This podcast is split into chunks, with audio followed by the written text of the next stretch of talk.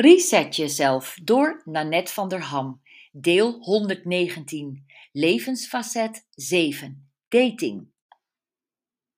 Dat wordt niks met jou, zei een vriendin toen ik in 2002, een jaar na mijn scheiding, op mijn bijna veertigste, nog geen leuke nieuwe man had ontmoet. Ik zet je op een datingsite. Met een fles wijn erbij hebben we de hele avond zitten gieren om de reacties. En uiteindelijk bleven drie namen over van mannen die voldeden aan mijn tussen aanhalingstekens eisenpakket. Twee namen vond ik stom en de derde was een Nederlander die in Zwitserland woonde. Ik kon toen niet weten dat die man bijna 15 jaar later mijn tweede levenspartner zou zijn. Mijn datingsite ervaring is dus heel positief.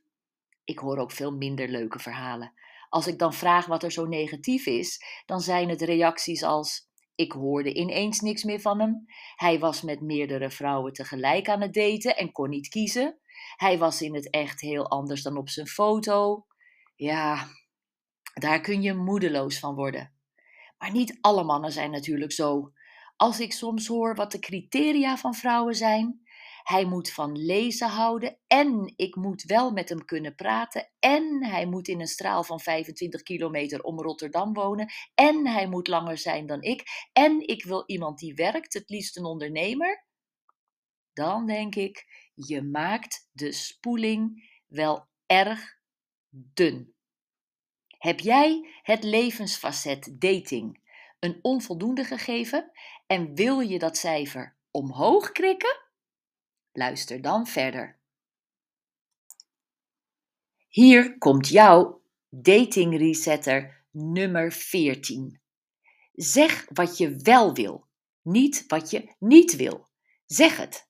Laat een man niet raden. Daar is hij over het algemeen niet goed in. Dus niet als hij vraagt wat wil jij doen, zeggen als het maar niet op een boot is, maar ik vind het leuk om Delft te leren kennen, een beetje rond te wandelen, wat te drinken. Wees duidelijk, want de meeste mannen lezen niet tussen de regels door. Veel succes en plezier!